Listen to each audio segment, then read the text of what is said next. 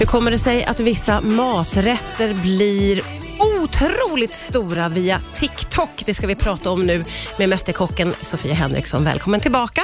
Tack snälla. Eh, och jag tänker vi tar avstamp i den här så kallade TikTok-pastan som dök upp för ett tag sedan, den med fetaost som ju tog sig långt utanför TikTok. Vi hade alla sett klipp på den och många hade testat den. Ja. Hur uppstår en sån grej egentligen?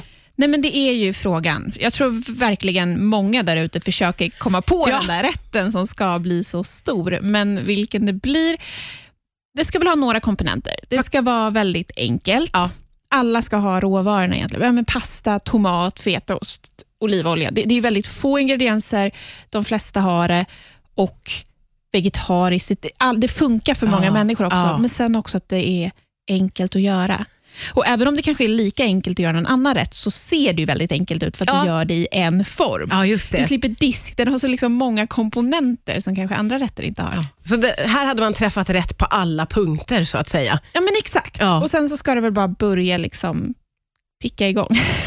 Vet man var den kommer ifrån? Eller vem det var som faktiskt gjorde det för första gången? Ja, det var, nu har jag glömt det här, men det var någon australiensare eller om det var någon amerikan. En kvinna som, jag, vet när jag skulle göra den första gången, så jag men vem har gjort den från början? Vem Ja. ska jag liksom hänvisa till? För det finns ju vodkapasta och det vet jag att Gigi Hadid gjorde liksom till Ja, ja, sin vodkapasta. Ja. Eh, men, men då vet jag att jag hittade henne, men det var inte heller något särskilt. Det är inte som att hon var världens liksom, största kändis, utan jag tror att Var det en på slump? Jag tror det. Så en sån rätt kan ju lite göra en till kändis. Sen var det klart att hon inte hade världens minsta konto, för då hade det väl inte synts alls. Nej, men, nej. men just att en rätt kan göra en till en superkändis egentligen, för det här Ja. gick ju helt alltså, utanför TikToks gränser också. Ja, det gjorde det ju verkligen. Vi, vi kände ju alla till den där TikTok-pastan. Ja. För ett tag, senast du var här så pratade vi om TikTok-nudlarna vet jag. Ja, precis. Och gud, de är så goda. De är, alltså, jag har gjort dem så mycket.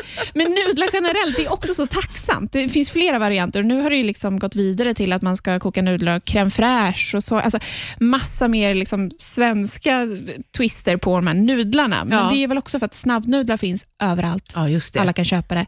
Och Sen så behöver du bara hälla i allting i en stekpanna och så är det klart. Liksom. Det är ju någonting som är otroligt inkluderande med att, att det är liksom billig mat, Mm. få ingredienser, enkelt att göra. Det, det, jag förstår ju att det får enorm eh, spridning. Nej, men exakt. Och Sen är det nog bra också att det ser så där mumsigt ut. För jag tänker alla saker som har blivit trendiga på TikTok, oavsett om det är en pasta eller mer onyttigt massa ost, eller nu den här green goddess-salladen som är jättestor, eller den har väl var stor i höstas, men då är det också att det ser liksom krämigt ut. Det ser Ja. liksom mumsigt ut. Du vill liksom äta det oavsett. Och det är en bra grej. Det, det är verkligen en bra grej. Vi ska prata vidare om TikTok-maten alldeles strax här på Rix FM. Riks FM.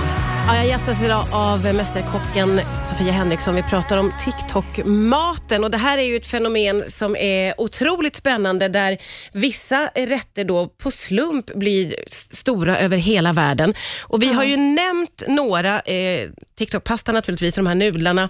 Eh, v- vad har det mer varit för rätter som har blivit enormt stora? Ja, men dels den här vodkapasta. Vodkapenna har ju blivit väldigt stort. Även eh, just ja, men som i höstas, både green goddess-sallad, som är en som ja, men du hackar massa kål och gurka och gör en green goddess-dressing massa vitlök och sånt som du häller över. Även en laxbowl i höstas blev väldigt stor.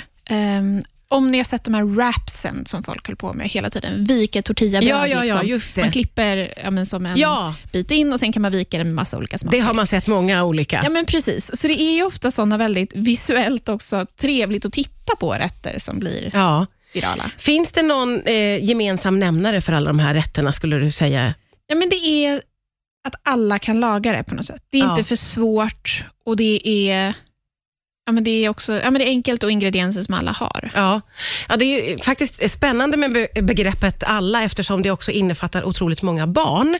Eh, för Ja. barn är ju på sociala medier och barn, alltså nu generaliserar jag, men det känns ju som att väldigt många unga är också intresserade av matlagning idag. Ja, men jag tror att man blir ännu mer intresserad nu än någonsin, just för att TikTok är en plattform där väldigt ung, alltså ung publik eh, finns. Ja. Och de här recepten går ju att göra oavsett om du är liksom sex år gammal Ja. eller om du är ja, men 80 år gammal. Man ser ju också tanter och farbröder som Ja. står och lagar de här recepten. Och att, ja, men du behöver inte hålla på med massa knivar och varm ugn och egentligen så här jättemycket komponenter, utan det är få komponenter och jag menar, att det skapar ett intresse för Ja. alla att laga mat. Det tycker jag är det härligaste Det finns ju någonting i det som är väldigt, väldigt härligt, det här med att alla från 2 till 80 lagar Ja. liksom samma recept. Är så här, åh, det är jag älskar också att du, ju, när du hade lagat eh, TikTok-nudlarna, så var du så här, det var typ det godaste jag har ätit. Jag tänker att du har ätit så mycket gott. Ja, men det är ju ofta så med de här rätterna, att de är så simpla. Och man använder ju råvaror som kanske till exempel fetaost. Det smakar ju jättemycket. Det är salt, det är väldigt syrligt Ja. Och den ingrediensen i sig gör ju att hela pastan blir god. Ja. Och Då blir det lite som att man fuskar, men på det allra bästa sätt. Samma med de här nudlarna, att det är liksom soja och ägg. Alltså det är ju så mycket umami det kan bli och så är det krämigt så är det salt, så det är klart det kommer bli svingott. Man behöver egentligen inte komplicera saker för mycket. Så att jag tror att på ett sätt är det ett, ett sätt att liksom gå tillbaka och säga, men vad är gott och enkelt Ja. och inte liksom massa övertänkt. Liksom. Nej, och gud vad skönt att vi är där nu. Vi ska prata vidare alldeles strax här på Rix FM. Riks FM. Riks FM. Idag pratar vi TikTok-mat. Det är Sofia Henriksson som är här och eh, du är ju själv otroligt eh, aktiv och eh, närvarande på sociala medier. Yes. Eh, vad märker du, vad är det som funkar bäst skulle du säga?